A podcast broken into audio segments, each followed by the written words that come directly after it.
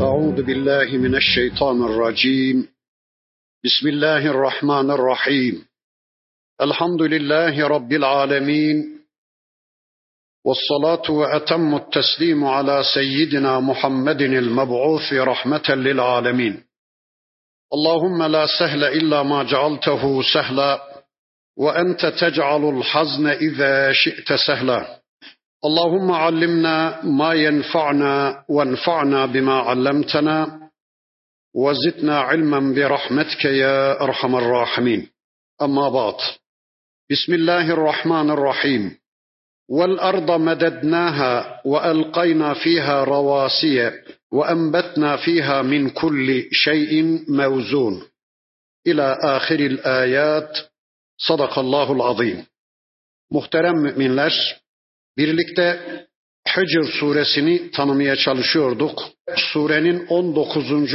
ayetine kadar gelmiştik. İnşallah bu haftaki dersimizde de okumuş olduğum bu 19. ayeti kerimesinden itibaren tanıyabildiğimiz kadar surenin öteki ayetlerini tanımaya çalışacağız. İnşallah burada okuduğumuz, öğrendiğimiz Allah ayetleriyle Önce Allah'ın istediği biçimde iman edeceğiz. Sonra da bu imanlarımızla yarınki hayatımızı düzenlemek üzere bu imanlarımızı yarınki hayatımızda pratize edip görüntülemek üzere ciddi bir çabanın, ciddi bir gayretin içine inşallah gireceğiz. Bugün okumuş olduğum Hicr suresinin 19. ayeti kerimesinde Rabbimiz şöyle buyuruyor. Vel arda medetnaha. Yeryüzünü biz yaydık. Ve elkayna fiha ravasiye. Yeryüzünü dengede tutmak için, yeryüzüne bir balans ayarı yapmak için orada sabit dağlar yerleştirdik. Ve enbetna fiha min kulli şeyin mevzun.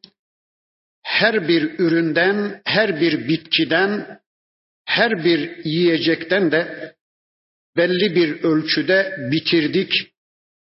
Her bir ürünü belli bir ölçüde sizin hizmetinize sunduk. Bizi bizden daha çok düşünen, bizi bizden daha çok seven, bize bizden daha çok merhamet eden, bizim hayrımızı, şerrimizi, bizim menfaatimizi, zararımızı bizden daha iyi bilen Rabbimiz henüz bizi yaratmadan, bizi bu misafirhaneye getirmeden önce bizim muhtaç olduğumuz bütün hayat şartlarımızı hazırlayıvermiş, bütün ihtiyaçlarımızı tedarik edivermiş. Yeryüzünü bir beşik gibi, bir döşek gibi bizim altımıza seri vermiş. İşte şu anda oturuyoruz. Başımız dönmüyor, ve yeryüzünde gerçekten son derece dengeli bir hayat yaşıyoruz. Bütün bunları bizim için sağlayıveren Rabbimizdir. وَجَعَلْنَا لَكُمْ ف۪يهَا مَعَايِشْ وَمَنْ لَسْتُمْ لَهُ بِرَازِقِينَ Bir de bu dünyada, bu hayatta sizin ihtiyacınız olan rızıklarınızı da sizin doyurmakla mükellef olduğunuz bakmakla sorumlu olduğunuz elinizin altındaki çoluk çocuğunuzun, hayvanlarınızın rızıklarınızı da biz bu alemde, bu dünyada temin ediverdik. Tüm rızıklar Allah'tandır. Şu anda istifade ettiğiniz bütün rızıklar Allah'tandır. Eğer bu rızıkları Allah göndermeseydi ne siz kendinizi doyurabilme imkanını elde edebilirdiniz ne de doyurmakla mükellef olduğunuz rızık teminiyle mükellef olduğunuz, elinizin altındaki çoluk çocuğunuzun, hayvanlarınızın rızıklarını temin etme imkanına sahip olabilirdiniz. Anladınız mı diyor Allah. Ve in min şeyin illa indena hazainuhu. Hiçbir şey yoktur ki onun hazineleri bizim katımızda olmasın. Tüm nimetlerin hazinesi Allah katındadır. Güneşten enerji mi alıyorsunuz? Onun hazinesi Allah katındadır. Bulutlardan yağmur mu iniyor? Bilesiniz ki onun hazinesi Allah katındadır. elma ağacından elma mı devşiriyorsunuz? Bilesiniz ki onun hazinesi Allah katındadır. Hangi tür nimetten istifade ediyorsanız bilesiniz ki o nimete egemen olan Allah'tır. O nimete malik olan Allah'tır. O nimetin hazinesi Allah katındadır. وَمَا نُنَزِّلُهُ اِلَّا بِقَدَرٍ malum Ve biz o nimetleri belli bir miktarda, belli bir ölçüde indirmekteyiz. İnsanların neye muhtaç olduklarını, hangi nimete muhtaç olduklarını en iyi bilen Rabbimiz sonsuz ilmi ve hikmetiyle o rızıkları belli bir ölçüde, belli bir miktarda indirmektedir. Herkesin neye muhtaç olduğunu en iyi bilen Allah'tır. Kimin neye muhtaç olduğunu en iyi bilen Allah, o kişiye o ölçüde rızık göndermektedir. Rabbimiz yeryüzüne belli bir ölçüde rızık göndermektedir. Sizin isteğinize bağlı değildir o. Sizin talebinize bağlı değildir. Ne kadar indireceğini, ne kadar göndereceğini bilen Allah'tır ve bu konuda yetki sadece Allah'ın elindedir. Sizi azdıracak kadar, isyana sevk edecek kadar çok göndermediği gibi sizi isyan edecek kadar da az göndermez. Belli bir miktarda, belli bir ölçüde gönderir. Mesela yeryüzünü yakıp kavuracak biçimde güneşin ışınlarını göndermez Allah. Ama yeryüzünü donduracak bir biçimde de kısı vermez, kesi vermez güneşin ışınlarını. Yağmurlarını evlerimizi, tarlalarımızı yıkıp silip süpürecek biçimde göndermez. Ama yeryüzünde bizi susuzluktan ölecek bir biçimde de kesi vermez, kısı vermez. Belli bir ölçüde gönderir. İnsan hayatını felç edecek biçimde rüzgarlarını göndermez. İnsanların istifade edebileceği bir biçimde Allah rüzgarlarını gönderir. Belli bir ölçüde Allah rızık göndermektedir. Rızkın inişinde problem yok ama rızkın paylaşımında problem var. Allah yeryüzündeki bütün kullarına yetecek miktarda rızık gönderiyor ama paylaşımda problem var. Kimi insanlar akıllılık yapıyorlar, aç gözlülük yapıyorlar. Başkalarının hakkını da gasp etmeye çalışıyorlar. Zekat vermiyorlar, infakta bulunmuyorlar. Allah'ın kendilerine verdiği o nimeti Allah kullarıyla paylaşmadan yana bir tavır almadıkları için yeryüzünde problem işte buradan çıkmaktadır. Değilse Allah yeryüzündeki tüm kullarına yetecek biçimde rızık gönderiyor. Problem o rızkın paylaşımında. İşte şu anda yeryüzünde bin, on bin aile var, yüz bin aile var. Tüm yeryüzü insanlığına yetebilecek seviyede Allah'ın indirdiği rızkı gasp ediyorlar. Zekat vermiyorlar, infakta bulunmuyorlar. Başkalarının haklarını da gasp ediyorlar. İşte yeryüzünde yaşanan açlık problemi buradan kaynaklanmaktadır. Değilse Allah rızkı belli bir ölçüde herkese yetecek bir biçimde göndermektedir. Bir de şu noktayı tespit edelim. Allah rızık konusunda garanti veriyor. Ne yaparsanız yapın, nasıl hareket ederseniz edin, ezelde benim size takdir ettiğim rızık ölmeden önce size mutlaka ulaşacak diyor. Allah rızık konusunda garanti veriyor. Bakın bir hadisin beyanıyla kişi ana rahmindeyken dört aylık olunca 120 günlük olunca iki melek geliyor. Biket bir rızkıhi ve ecelihi ve amelihi ve sa'idun ev şakiyum. O kişinin ecelini tespit ediyorlar. Şu anda her birerimizin eceli belli. O kişinin rızkını tespit ediyorlar. Şu anda her birerimizin rızkı bellidir. Amelimiz yazılıyor. Said mi, şakî mi olacağımız, cennete mi, cehenneme mi gideceğimiz önceden tespit ediliyor. Bakın bu hadisin beyanıyla şu anda bize tahsis edilen rızık bellidir. Allah bu konuda garanti veriyor. Ne yaparsanız yapın, nasıl davranırsanız davranın, ölmeden önce size benim tahsis ettiğim rızık mutlaka ulaşacaktır. Rızık belli, rızık konusunda Allah garanti veriyor. Ama iman konusunda, takva ve teslimiyet konusunda, hidayet konusunda, cennete ya da cehenneme gidiş konusunda Allah garanti vermiyor. Yani ne yaparsanız yapın ben sizi mutlaka hidayete ulaştıracağım. Nasıl bir hayat yaşarsanız yaşayın ben sizi mutlaka cennete göndereceğim demiyor Allah. Rızık konusunda verdiği garantiyi iman konusunda, hidayet konusunda, cennete gidiş konusunda vermiyor Allah. Ben onu size bıraktım diyor. Hidayet konusu, iman konusu, takva konusu, cennete ya da cehenneme gidiş konusu sizin tercihinize bağlı. Sizin sayinize, sizin çabalamanıza bağlı diyor. Bakın insanlar şu anda nasıl bir tavrın içindeler? Garanti olan Allah'ın garanti size ulaştıracağım dediği rızık konusunda mı daha çok endişe taşıyorlar? Yoksa hidayet konusunda cennet ya da cehenneme gidiş konusunda mı daha çok mesai sarf ediyorlar? Tam tersini yapıyoruz değil mi? Allah diyor ki rızık garanti. Kur'an'a bakıyoruz. Birçok ayet var. Onlardan bir tanesini okuyayım. Göklerde ve yerde hiçbir varlık yoktur ki illa alallahi rızguha. Onun rızkı Allah'ın üzerine olmuş olmasın. Göklerde ve yerde hiçbir varlık yoktur ki Allah onun rızkını tekeffül etmiş, onu rızkını üzerine almış olmasın. Rızık konusunda bir garanti var. Ne yaparsanız yapın, size ezelde takdir ettiğim rızık ulaşacaktır.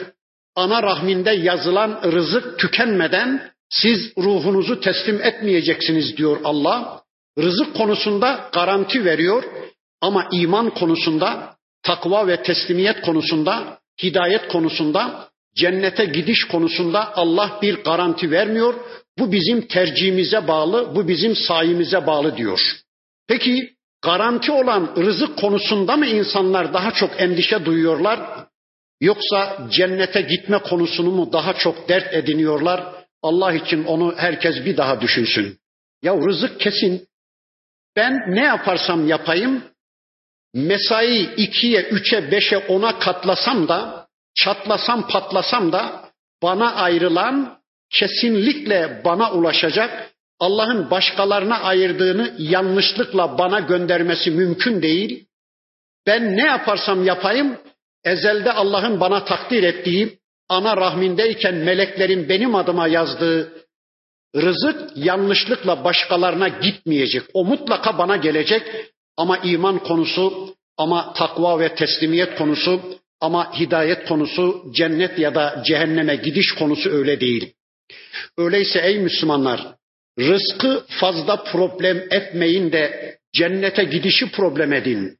Hidayeti problem edin. imanı problem edin. Tevhidi problem edin. İşte Kur'an'daki bu ve benzeri ayetler bize bunu anlatıyor. Sonra diyor ki bakın Rabbimiz ve erselne riyaha levakiha. Biz rüzgarları aşılayıcı olarak göndeririz. Rüzgarları telkih için yani döllemek için göndeririz. Önceki derslerimizde de ifade ettiğimiz gibi ağaçlarda erkek organ, dişi organ var. Bazen bir ağaçta hem erkek hem dişi organ var. Bazen bir ağaçta sadece erkek organ, öteki ağaçta dişi organ var. İşte bu erkek dişi organın buluşması için telkih dediğimiz, döllenme dediğimiz ya da aşılanma dediğimiz olayın gerçekleşmesi için Allah rüzgarları gönderiyor. Rüzgarlar böyle bir telkihi, böyle bir aşılamayı gerçekleştiriyor ki bunun adına tozlaşma denir. Sonunda meyveler meydana geliyor. Armut diyoruz, elma diyoruz, portakal diyoruz ve biz onları yiyoruz. Bunu rüzgarlar gerçekleştiriyormuş. Bakın Allah diyor ki: ve erselner riyaha levakiha. Biz aşılayıcı olarak rüzgarları göndeririz de fe enzelna mines semai maen gökten su indiririz.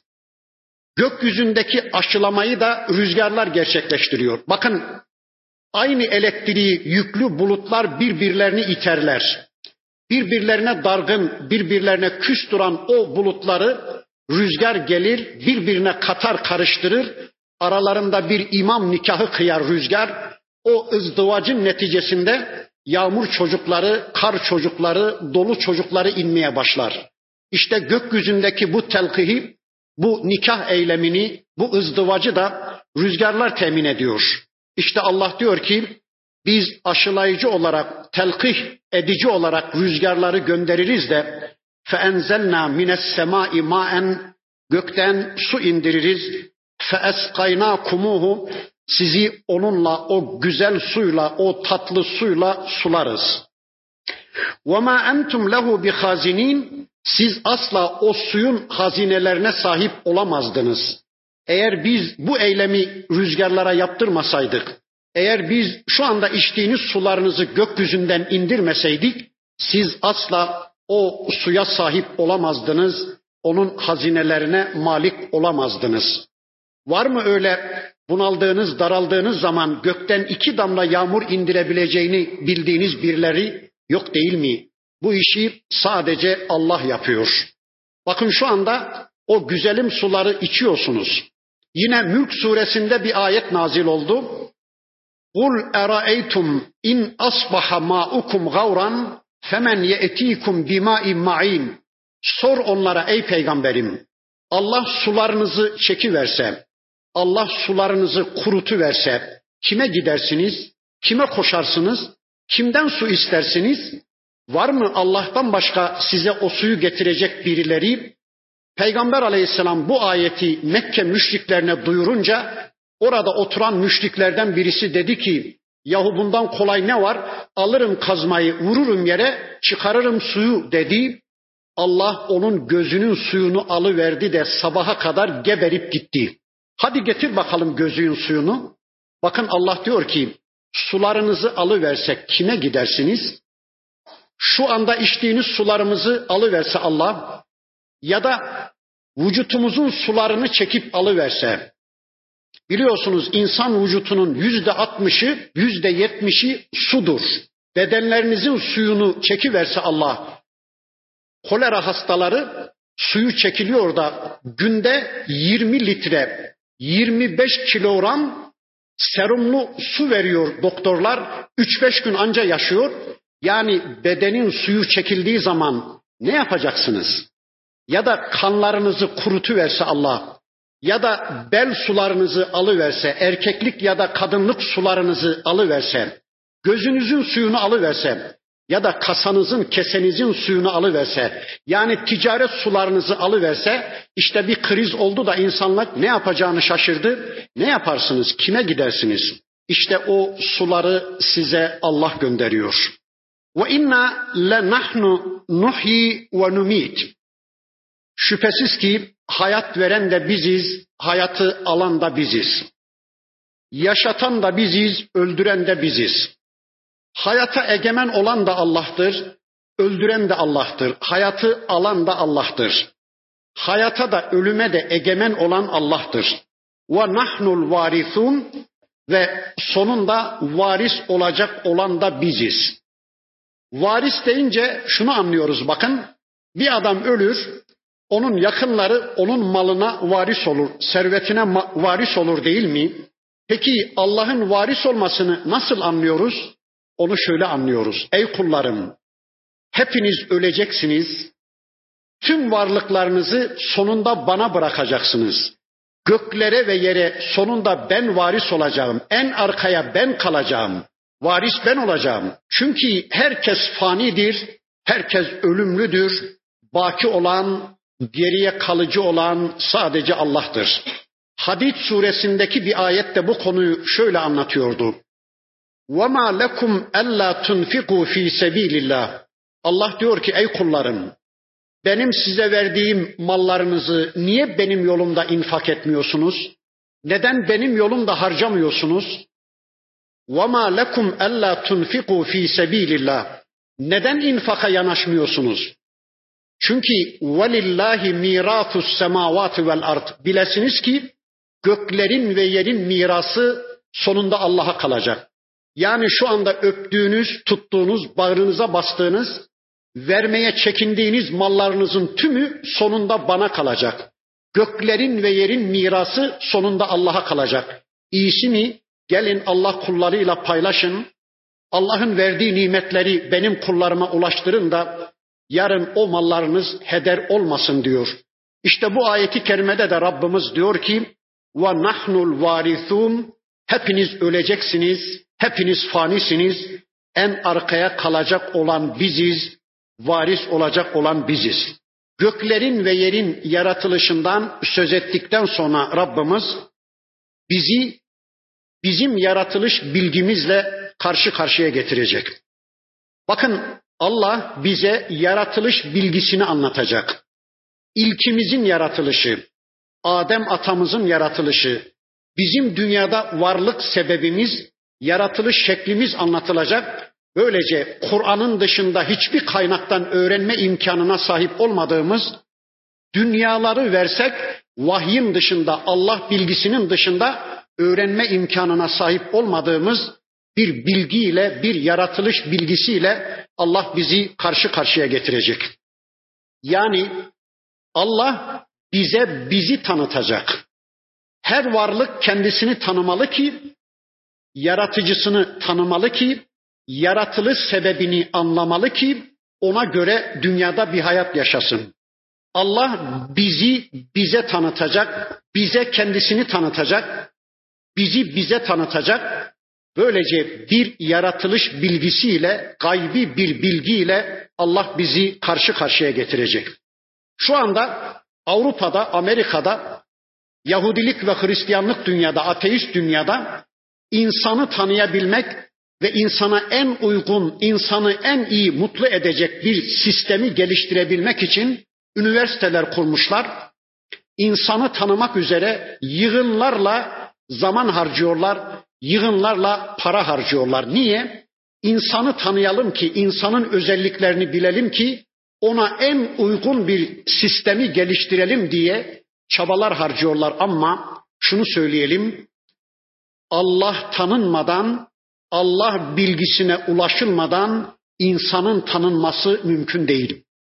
Çünkü insanın varlığında Allah var.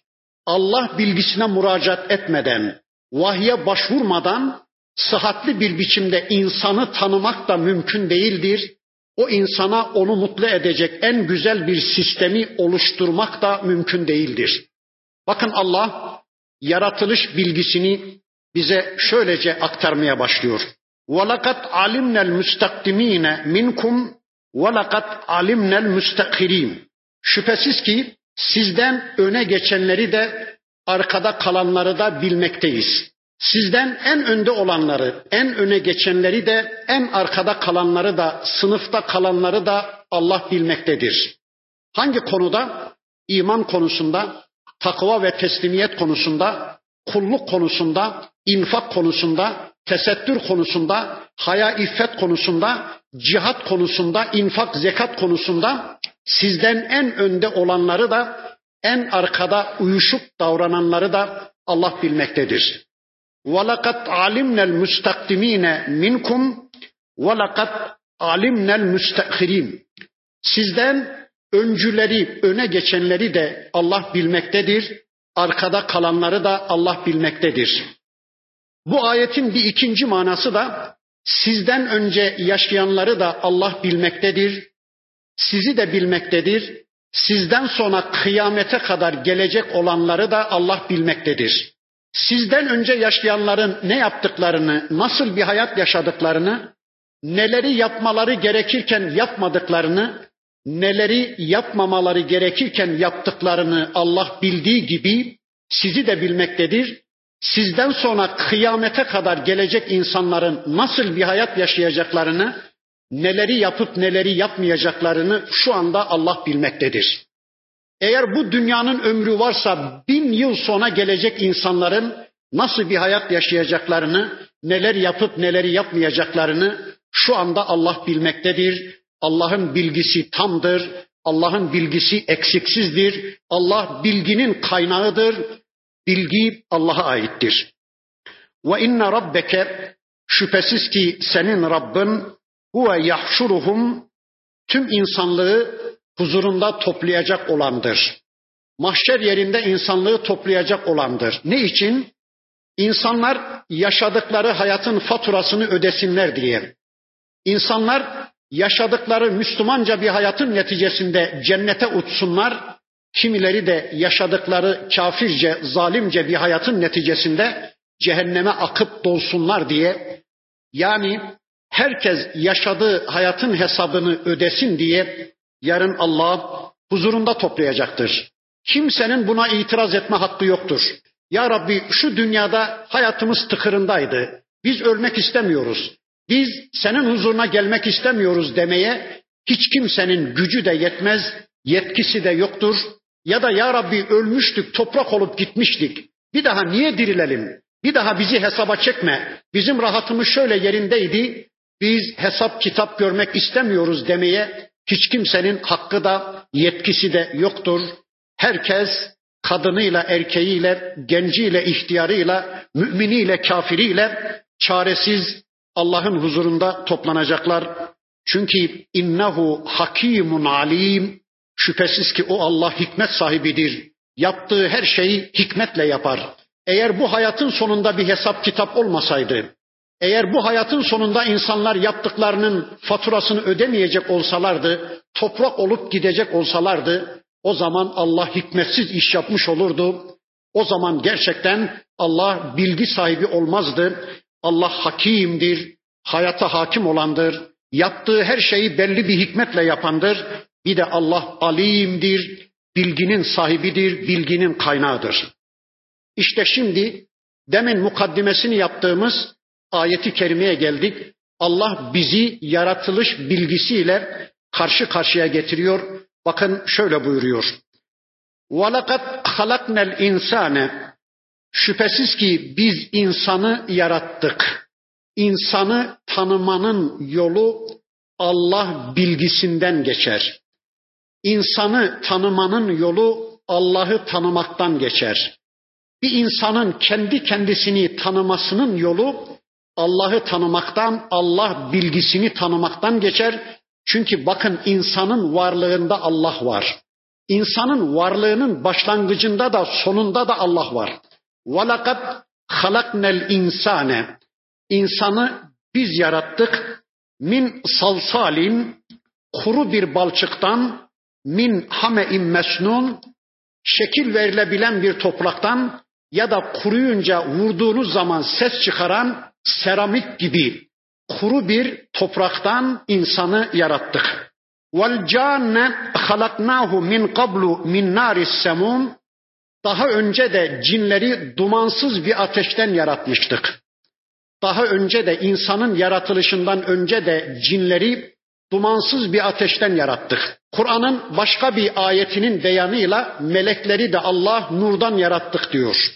Melekler dumansız bir ateşten yaratılmış, melekler nurdan yaratılmış, cinler dumansız bir ateşten yaratılmış, insan da kuru bir balçıktan şekil verilebilen kara bir topraktan yaratılmış.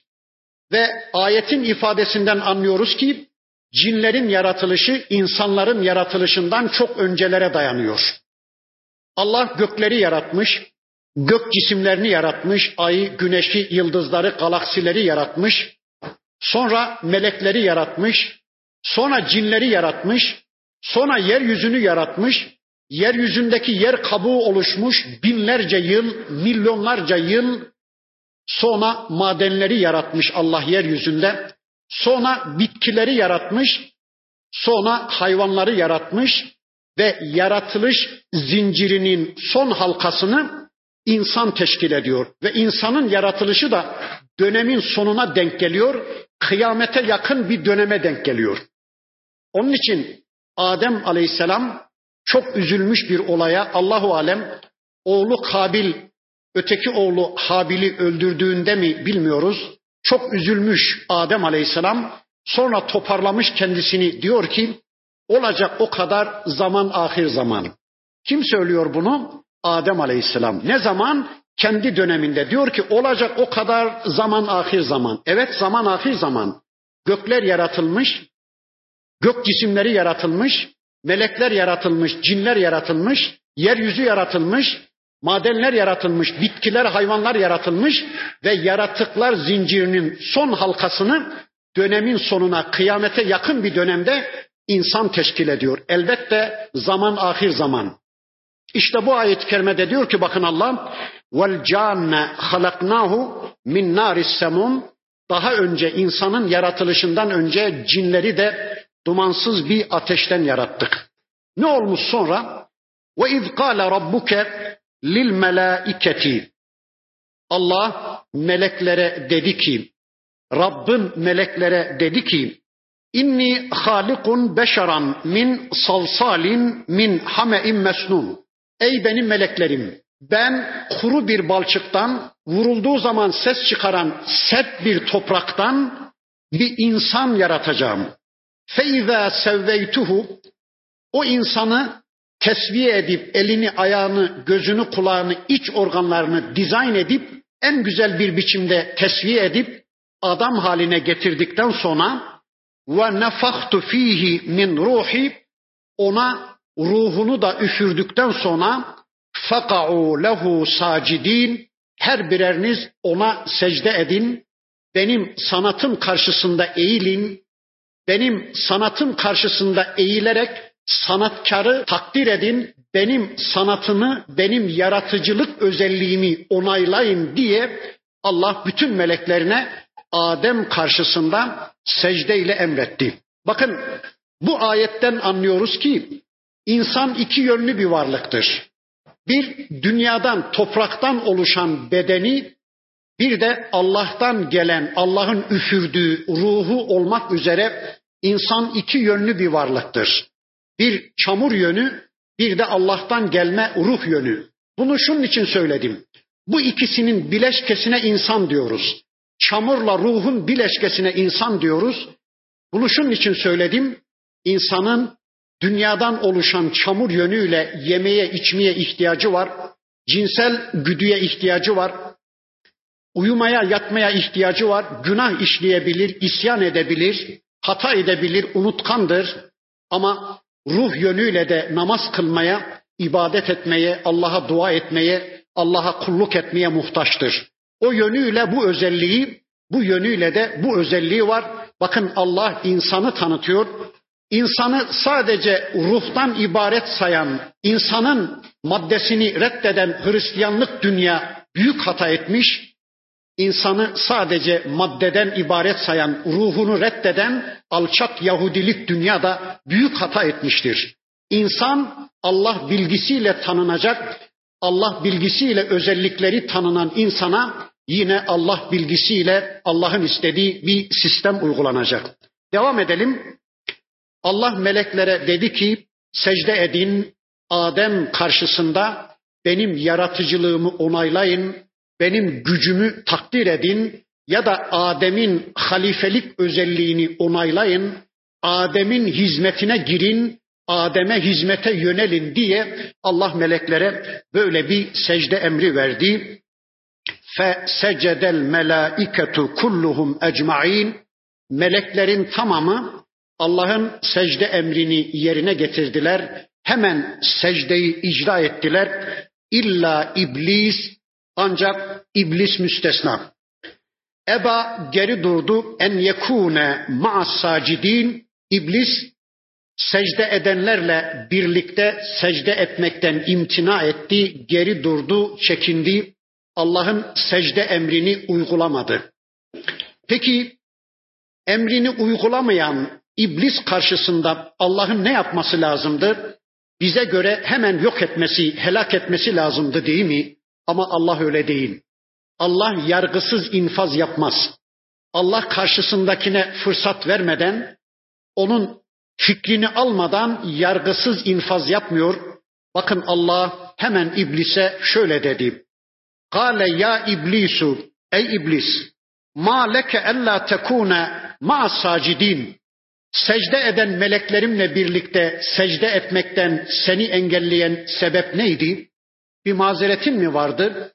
Kulakların duymadı mı? Kulağında bir rahatsızlığın mı vardı? Yoksa belinde bir rahatsızlığın vardı da onun için mi secdeyi gerçekleştiremedin? Dalgın mıydın? Başka şeyler düşünüyordun da benim emrimi o anda intikal edemedin mi? Allahu Ekber. Soruyu soran kim? Soruyu soran Allah. Bilgisi tam olan, iblisin içini dışını bilen Allah soru soruyor. Peki o zaman şunu soralım. Allah iblisin böyle bir mazeretinin olup olmadığını bilmiyor muydu? Elbette biliyordu. Peki bu ifade neyin nesi? Ha bu ifade Allah'ın iblise tevbe fırsatı vermesi, dönüş imkanı vermesi, pişmanlık imkanı vermesidir. Bakın ey iblis bir mazeretin mi vardı? Neden secde edenlerle birlikte benim secde emrimi uygulamadın? Bu durumda iblisin ne yapması lazımdı? Ben ettim sen etme ya Rabbi. Bir dalgınlık, bir gaflet sonucu ben senin secde emrini icra etmedim. Ne olur beni bağışla ben ettim sen etme ya Rabbi diye hemen tövbe etmesi lazımdı değil mi?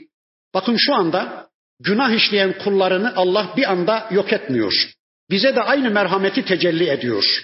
Bir kul bir günah işlediği zaman Allah'a bir isyan bayrağı açtığı zaman hemen onun defterini dürmüyor da bir süre ona tevbe imkanı veriyor, dönüş imkanı veriyor, özür dileme imkanı veriyor Rabbimiz.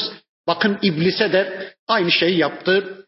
İblisin ne yapması lazımdı? Tevbe etmesi, af dilemesi lazımdı. Ama bakın ki iblis tevbe etmek şöyle dursun, dönüş yapmak, özür dilemek şöyle dursun, suçunu savunma boyutuna götürdü, günahını savunma boyutuna götürdü. Bakın günah işlemek ayrıdır, günahı savunmak ayrıdır. Günah işleyen bir adam kafir olmaz ama günahı savunan birisi, savunma boyutuna, suçunu savunma boyutuna götüren bir kişi Allah korusun derecesine göre kafir olur, küfre düşer. Bakın iblis şöyle dedi.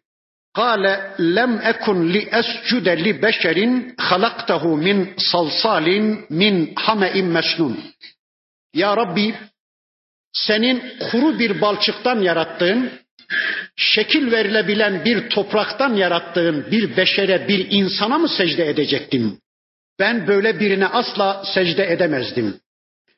Burada böyle deniyor Araf suresinde, Kur'an'ın başka surelerinde şöyle dediği anlatılır. Ya Rabbi onu topraktan yarattın, beni ateşten, benim maddem onun maddesinden üstündür, benim kökenim, benim maddem, benim menşeim onun menşeinden, onun ırkından, onun kökeninden üstündür. Dolayısıyla ben topraktan yarattığın bir varlığa secde edemem. İblis bu ifadesiyle batıl üstüne batıl işledi. Önce birinci batılını söyleyelim. İblisin birinci batılı hükmünü bilmediğine bina etti. Bakın Allah'tan bu konuda henüz bir bilgi gelmemişti. Adem mi üstündü, iblis mi üstündü bunu Allah söyleyecekti. Bu konudaki hükmü Allah verecekti. Ve Adem de yeni yaratılmıştı. Daha denenmemişti. İblis mi üstün, Adem mi üstün bu konuda Allah'tan bir bilgi gelmediği halde Allah'ın bilgisini beklemeden, Allah bilgisine müracaat etmeden iblis hükmünü bilgisizliğine bina etti, hükmünü cehaletine bina etti Böylece yeryüzünde ilk iblis mantığını ortaya koydu. Eğer bizler de şu anda bir konuda acaba Allah ne diyor? Bir konuda acaba Peygamber aleyhisselam ne diyor? Bu konuda nasıl bir ayet, nasıl bir hadis var? O konuda Allah'ın ve peygamberin hükmünü öğrenmeden, beklemeden, Allah'ın kitabına ve peygamber aleyhisselamın sünnetine müracaat etmeden eğer hüküm vermeye kalkar, hükmümüzü bilgisizliğimize, cehaletimize bina etmeye kalkarsak bizler de aynen şeytan mantığına düşmüş oluruz. Allah korusun. Şeytanın birinci batılı buydu. İkinci batılı bakın şeytan yeryüzünün ilk ırkçısı. Irkçılığı yeryüzünde ilk defa savunan ve ortaya atan şeytandır. Aynı zamanda materyalizmin de banisidir şeytan. Bakın benim maddem onun maddesinden daha üstündür. Kökenini, menşeini, ırkını, maddesini ön plana sürerek benim ırkım, benim menşeim, benim kökenim, benim maddem Adem'in maddesinden üstündür, Adem'in ırkından üstündür diyerek Şeytan yeryüzünde ilk ırkçılığı hortlatan, ortaya atan varlıktır. Halbuki üstünlük madde ile değil. Bakın şu anda insanlara benim karnımı yarsanız onun karnından daha çok gazurat çıkar diye gazurat hesabında adam pislik hesabında karın hesabında ya da madde hesabında üstünlüğü maddeye bağlıyor, menşeye bağlıyor, ırka bağlıyor, materyalistçe bir bakış ortaya koyuyor. Ben falan aileden gelmişim, ben filan ırktan gelmişim, ben üstünüm demeye çalışıyor. İşte şu andaki Yahudi toplumunun yaptığı gibi halbuki İslam'da üstünlük takva iledir. Anası şöyle olan, babası böyle olan filan aileden, filan ırktan dünya gelen üstündür değil. Takvaca en üstün olan Allah katında azizdir, kerimdir, üstündür. İslam üstünlüğü imana, takvaya ve teslimiyete bağımlı kılıyor ama şeytan materyalistçe bir bakış açısı geliştirerek üstünlüğü kökeninde, ırkında, maddesinde arıyor. Böyle bir batıl daha işledi şeytan. Bakın emri veren kimdi? Secde emrini veren Allah'tı. Eğer secde emrini veren Adem olsaydı belki şeytanın o mantığına biraz hak verebilirdik. Halbuki secde emrini veren Adem değil, secde işinin Adem'le ilgisi yok. Secde emrini veren Allah. Mesela şu anda içimizde bir çocuk, küçük yaşta bir çocuk bize bir ayet okusa, bir hadis okusa, bakın Allah böyle istiyor, peygamber böyle buyuruyor diye içimizden bir çocuk bir ayet ya da bir hadis okusa, ona şunu deme hakkımız var mı? Sen kim eliyorsun? Kaç yaşındasın ki bize ayet okuyorsun, hadis okuyorsun, bize Allah'ın hükümlerini bildiriyorsun demeye hakkımız var mı? Yok değil mi? Bir komutan askere emir verir, şu ağaca selam vereceksin diye. Asker döner döner o ağaca selam verir. Peki o ağacın üstünlüğünden mi, ruçhaniyetinden mi? Hayır. O asker komutanın emrini yerine getirdiği için selam veriyor değil mi? Bakın secde emrini veren kim? Allah. Adem'in üstünlüğü, alçaklığı sana ne? Allah secde emriyle emretmişse emri veren Allah'ın emrine imtisal adına şeytanın hemen secde etmesi gerekiyordu ama secde etmedi. Böylece isyanını, secdesizliğini savunma boyutuna ulaştıran iblise karşı Allah ne yaptı? Bakın buyurdu ki: "Kale fahruç minha." Çık oradan alçak. İn o makamdan hain. Nereden çıkacaktı? Meleklerin içindeydi o anda. Kendisi cindi ama meleklerle birlikte Allah'a kulluğa yönelmişti. İn o makamdan ey hain. Çık benim meleklerimin arasından ey alçak. Ben senin gibi bir kulu kulluğa kabul etmiyorum. İn o makamdan. İn o kulluk makamından. Çık benim kutlu meleklerimin arasından. Fe inneke racim şüphesiz ki sen rejmedilenlerden, tard edilenlerden, rahmetten kovulanlardansın. Cennetten kovulanlardansın. Ve inne aleyke lanete ila yevmiddin din gününe kadar, kıyamet gününe kadar lanet senin üzerine olsun. Bu sözleri Allah söylüyor. Ey iblis, Allah'ın laneti senin üzerine olsun. Meleklerimin laneti senin üzerine olsun. Peygamberlerimin laneti senin üzerine olsun. Müminlerin laneti senin üzerine olsun. Lanet edebilme şanından olan bütün varlıkların laneti senin üzerine olsun dedi. Rabbimiz onu lanetledi. Anladı ki iblis artık işi bitik. Korkudan ayağının altındaki toz kaydı iblisin. Ödü koptu. Anladı ki artık helak olacak. Anladı ki artık defteri dürülecek. Anladı ki artık Allah onu yok edecek. İşte bunun farkına varan iblis bakın Allah'a şöyle yalvarıp yakarmaya, Allah'tan şöyle bir müsaade istemeye yöneldi. Dedi ki kale Rabbi ey Rabbim. Bakın ifadeyi hala ey Rabbim ey Rabbim diyor. Kale Rabbi dedi ki ey Rabbim Feenzirni ila yevmi yub'asun. Ne olur beni hemen öldürme. Beni hemen cezalandırma. Benim işimi hemen bitirme ya Rabbim. Bana bağış gününe kadar izin ver. Bağış günü insanların öldükten sonra dirilecekleri, kalkacakları güne bağış günü denir. Ya Rabbi ne olur bana insanların dirilecekleri bazı gününe kadar izin ver, beni öldürme, benim hayatımı bitirme dedi. Bakın çukur biraz akıllı davrandı. Şeytana alçak demek biraz hatalı. Çünkü her alçaklıkta da bir yükseklik vardır. Alçak dağ filan diyoruz ya. Yüksek dağın yanında alçak dağ, alçaklıkta da bir yükseklik vardır. Onun için iblise alçak demek doğru değil. Ona çukur demek lazım. Çukur. Yani yer seviyesinde altında çukur demek lazım. Çukur iblis kafayı çalıştırdı. Dedi ki ya Rabbi bana insanların yeniden dirilecekleri güne kadar izin ver. Böylece ne istiyordu? Ölümün ıstırabından kurtulmak, ölümü tatmamak istiyordu. Çünkü kıyametten sonra insanlar yeniden dirildikten sonra bir daha ölüm olmayacak. Cennetlikler ebedi cennette, nimet içinde, cehennemlikler de ebedi cehennemde, azap içinde ölüm öldü diyecek Allah. Onun için çukur ölümden kurtulmak için dedi ki ya Rabbi bana Baas gününe kadar izin ver. Peki Allah ne dedi ya? Kale fe inneke minel munzarin. Dedi ki hadi sana izin verdim. Hadi sen izin verilenlerdensin. Sen o güne kadar demedi Allah ertelenenlerdensin. Ne zamana kadar? İla yevmil vaktil malum. Baas gününe kadar demedi Allah. Kıyamet gününe kadar, kıyamet öncesine kadar sana izin verdim. Böylece Allah'ın bu ifadesinden anlıyoruz ki alçak iblis kıyamet öncesi o da ölümü tadacak. O da ölümün ıstırabını tadacak. Allah bağış gününe kadar değil de kıyametin kopmasından öncesine kadar iblise izin verdi. Biraz sonra iblis yapacaklarını anlatmaya başlayacak ama ben ondan önce birkaç cümle söyleyeceğim. Bakın ne diyor iblis? Ya Rabbi, Ya Rabbi. İblis anladığımız kadarıyla Allah'a inanan birisi. Bakın Ya Rabbi ifadelerinden bunu öğreniyoruz. Yine iblis bağış gününü, kıyamet gününü de inkar etmiyor.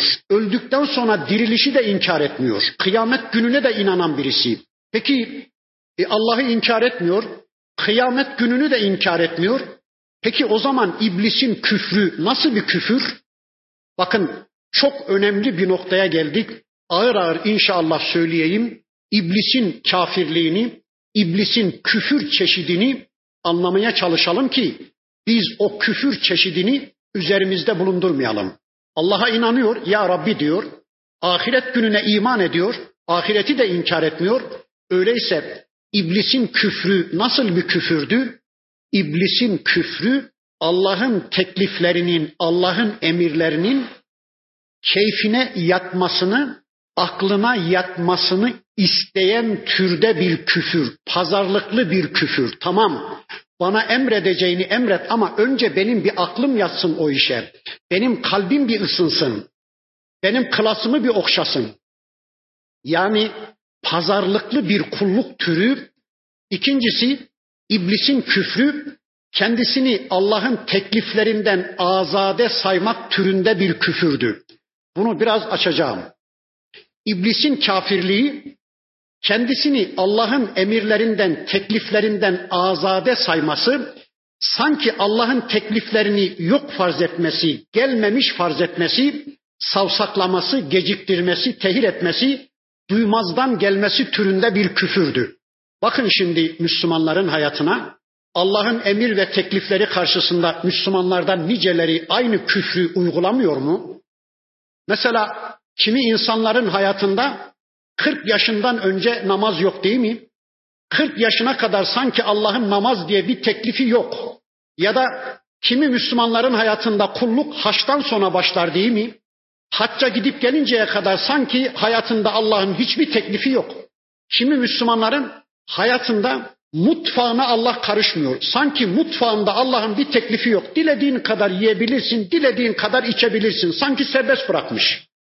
Yani o Müslümanın hayatının mutfak bölümünde Allah'ın bir teklifi yok sanki. Allah serbest bırakmış. Ya da kimi Müslümanların hayatının kazanma harcama bölümünde Allah'ın bir teklifi yok. Dilediği yerden kazanın, dilediğiniz yerde harcayın demiş. Allah sanki bir emir göndermemiş, teklif göndermemiş. Tamam namaza karışsın Allah, oruca karışsın da benim hayatımın kazanma harcama bölümüne karışmasın diyen bir mantık. Sanki o noktada kendisini tekliften azade sayma türünde bir küfür Müslümanların hayatında da yok mu? Sanki eğitime Allah karışmıyor. Eğitim uzmanları var. Onlar eğitimi ayarlıyor. Eğitim konusunda Allah'ın bir teklifi yok. Sanki hukuk konusunda Allah'ın bir teklifi yok. Dilediğiniz gibi bir hukuk yapın demiş. Sanki kılık kıyafet konusunda Allah'ın bir teklifi yok. Dilediğiniz gibi giyinin soyunun demiş. Sanki o noktada Allah'ın bir teklifi yok. Ya bu küfür, bu örtmek, örtbas etmek, yani kendisini tekliften azade saymak, sanki o konuda Allah'ın bir teklifi yokmuş gibi davranmak, işte bu şeytanın küfrü. Şeytan böyle kafirdi. Bakın şu cümleyi ağır ağır bir daha söyleyeyim. Buradaki secde namazdan farklı bir secde. Çünkü Kur'an-ı Kerim'de Allah diyor ki namazı kılın, secde edin ve ruku edenlerle birlikte ruku edin. Böyle ayetler var. Ya zaten namazın içinde secde de ruku da var. Namazı kılın dedikten sonra, namazı ikame edin dedikten sonra acaba Allah bir de arkasından secde edin, ruku edin diye niye söylüyor? Ha, o secde namazdakinden farklı bir secde. Buradaki secde de namazdaki secdeden farklı bir secde. Ne demek o? Bakın ağır ağır söyleyeyim. Allah'tan bize intikal eden her bir emir karşısında duydum ya Rabbi, işittim ya Rabbi, inandım ya Rabbi, hemen uygulamaya koyuyorum ya Rabbi dediğimiz anda biz meleklerin safındayız. O emrin secdesini uygulamışız. Geciktirdiğimiz takdirde, tehir ettiğimiz, duymazdan geldiğimiz, savsakladığımız takdirde biz şeytan safındayız. Bir iki örnek vereyim. Bir gün öğrendiniz ki ilim farzdır. Kur'an sünnet öğrenmek zorundasınız. Bu emir size ulaştığı anda, Allah'ın bu teklifi size geldiği anda, tamam ya Rabbi, anladım ya Rabbi, işittim ya Rabbi, inandım ya Rabbi, hemen uygulamaya koyuyorum ya Rabbi diye gece gündüz Kur'an eğitimine başlamışsanız bu emrin secdesini uyguladınız demektir. Bir başka zaman bir mümine hanım tepeden tırnağa örtünmek zorunda olduğunu mu anladı? Allah'ın o teklifi kendisine ulaştı mı? Anladım ya Rabbi, işittim ya Rabbi, inandım ya Rabbi. Hemen uygulamaya koyuyorum diye örtündüğü anda işte o emrin secdesini uygulamış demektir. Bakın Müslümanların hayatına. Namaz mı? Daha genciz canım. Zekat mı? Ya daha servetimiz ne ki? Hele biraz zenginleyelim. Kur'an sünnet öğrenmek mi? İyi kardeşim bir emekli falan olalım. Şu okulu bir bitirelim. Ondan sonra başlayacağız. Cihat mı? Ya kardeşim gücümüz ne ki? Hele bir toparlanalım. Bir güç kuvvet oluşturalım. Yani bakın Müslümanlara kimi emirleri yok farz ediyor, savsaklıyor, geciktiriyor, tehir ediyor, duymazdan geliyor, örtüyor, örtbas ediyorsa Allah korusun bu şeytanın küfrü. Bakın şeytan Allah'a inanan birisi, kıyameti de inkar etmeyen birisi. Bir de şunu söyleyeyim. Allah şeytana izin verdi. Ne zamana kadar? Kıyamet gününe kadar. Bu dünyada şeytanı yok etme imkanımız yok. Şeytansız bir dünya düşlemeyin. Şeytansız bir hayat kurmayın. Bakın şeytan kıyamet gününe kadar Allah'tan izin aldı ve kıyamet gününe kadar bu savaş devam edecek. Bunu unutmayın. Bir, ikincisi Allah'tan izin aldığı andan itibaren yeryüzünde iki kutup oluştu, iki cephe oluştu. Adem cephesi, iblis cephesi. İman cephesi, küfür cephesi. Hidayet cephesi, dalalet cephesi. Secdeliler cephesi, secdesizler cephesi. Namazlılar cephesi, namazsızlar cephesi. Bu iki cephe arasında savaş kıyamete kadar sürecek. Bakın bunu iyi anlayın. Şeytan kıyamete kadar Adem'le barış masasına oturmayacak. Şeytan kıyamete kadar müminlerle, Müslümanlarla, Adem'in çocuklarıyla asla barış masasına oturmayacak. Şeytan safında yer alanlar da asla Müslümanlarla barış masasına oturmayacak. Kesinlikle bunu bilin. Sizler silahlarınızı terk etseniz, terki silah etseniz, biz barıştan yanayız diye el kaldırsanız, şeytan cephesinde yer alan şu andaki Yahudi ve Hristiyanlar küfür dünya kesinlikle barışa yanaşmayacak. Allah bunu anlatıyor. Kıyamete kadar.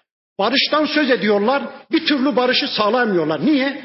Çünkü bu kafirlerin, bu şeytanın çömezlerinin, şeytan cephesinde yer alan Yahudi ve Hristiyanların barıştan söz etmeleri bile Müslüman kanı dökmeye yöneliktir. Bunu unutmayın.